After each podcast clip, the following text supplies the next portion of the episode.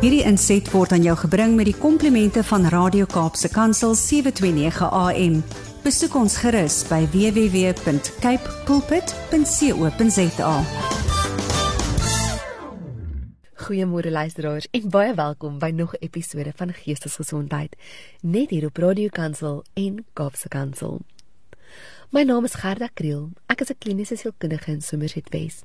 En dit is altyd my voorreg om julle meer te leer oor hoe die brein werk, die liggaam werk en hoe ons ons geestesgesondheid weer in beheer kan neem sodat dit onder gehoorsaamheid van die koninkryk van God kan staan.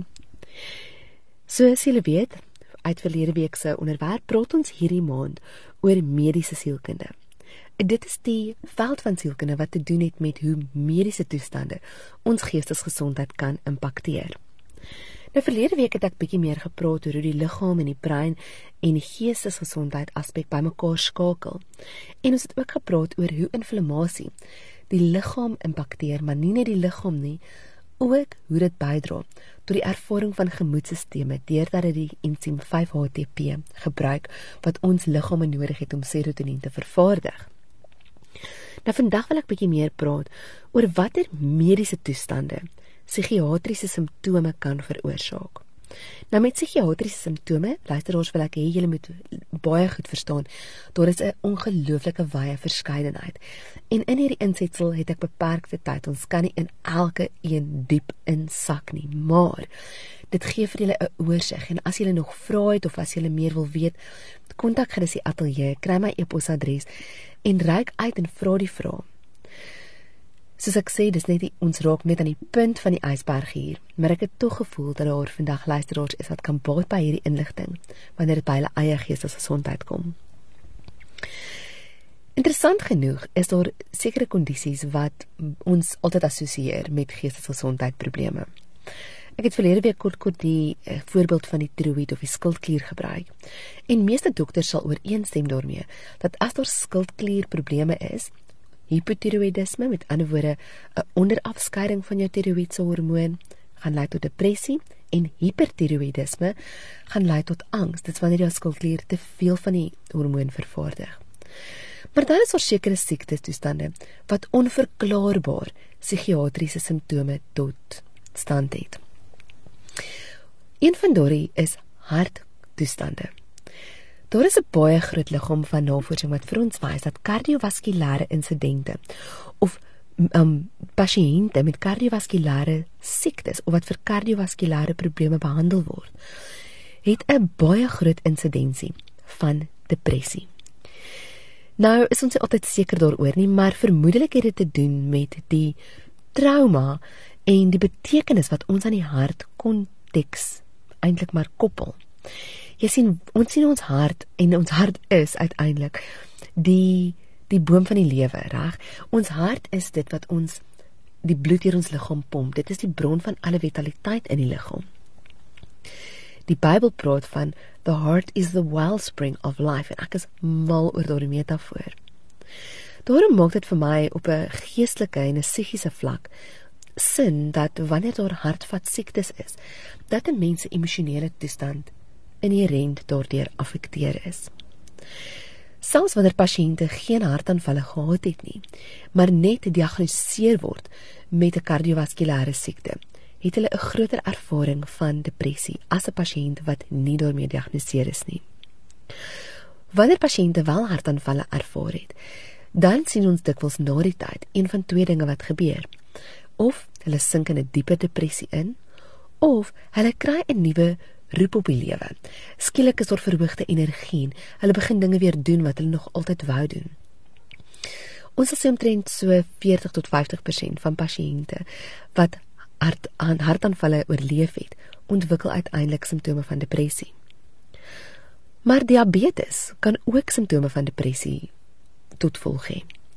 Die swak bestuur van jou bloedsuikervlakke kan lei tot die gevoel en die ervaring van depressie. sien wanneer jou bloedsuiker vlakke op en af fluktueer, dan het dit 'n direkte impak op jou gemoed. En dis ook waarom ons dikwels vir pasiënte sal sê dat hulle die eet baie belangrik is wanneer dit kom by die bestuur van hulle geestesgesondheid. Want as jou suikervlakke op en af fluktueer en jou gemoed fluktueer op en af, kan dit selfs so ernstig wees dat dit simptome van bipolêre gemoedstoornis kan mimiek. Nou, ons weet dat pasiënte wat diabetes het meer geneig is om simptome van depressie te ervaar. Interessant genoeg is dit dat tieners wat met 'n tipe 1 diabetes gediagnoseer word, het 'n baie hoër insidensie van depressie as tieners wat nie daarmee gediagnoseer is nie. Tipe 1 diabetes is die tipe diabetes waar jou pankreas ophou om insulien te vervaardig en dit word gesien as 'n primêre diabetes wat nie as gevolg van leefstyl is nie, maar eerder is as gevolg van genetika. Dan het ek nou los gepraat oor die skildklier en baie belangrik dat dit altyd getoets word.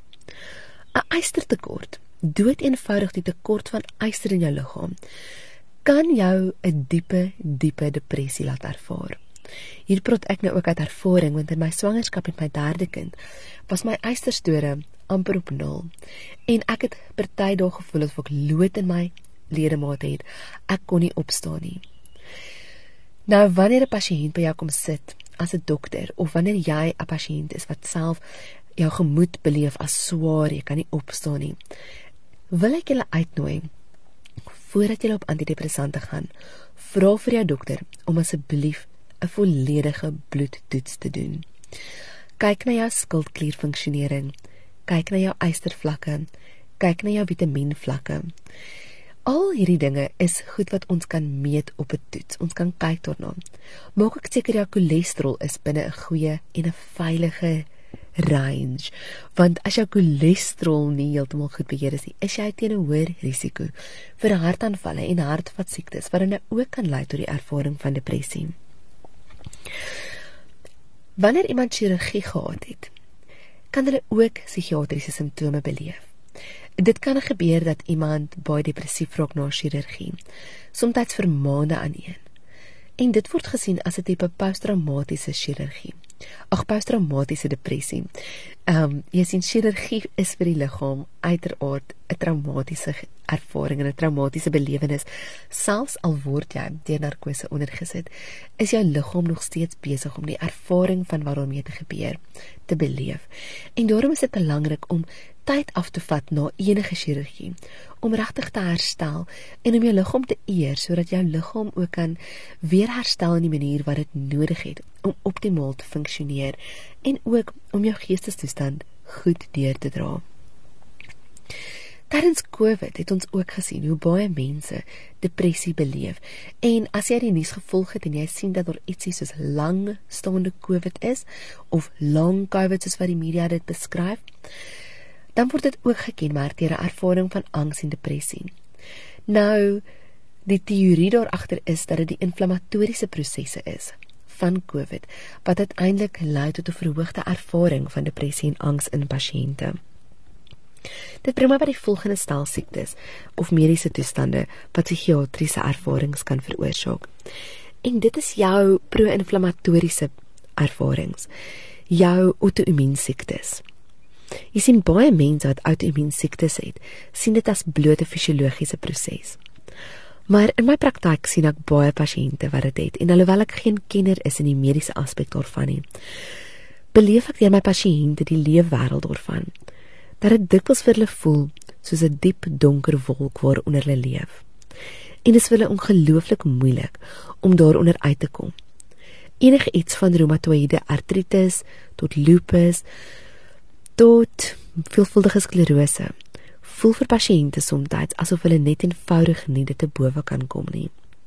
Dit is belangrik dat jy onder die behandeling van 'n reumatoloog is vir enige van hierdie siektes sodat jy optimaal behandel kan word en sodat jou liggaam fisies beter is sodat jou geestesgesondheid ook kan verbeter. Luisteraars, dan is daar 'n ander eh, belangrike ding wat ek wil sê, maar infeksie.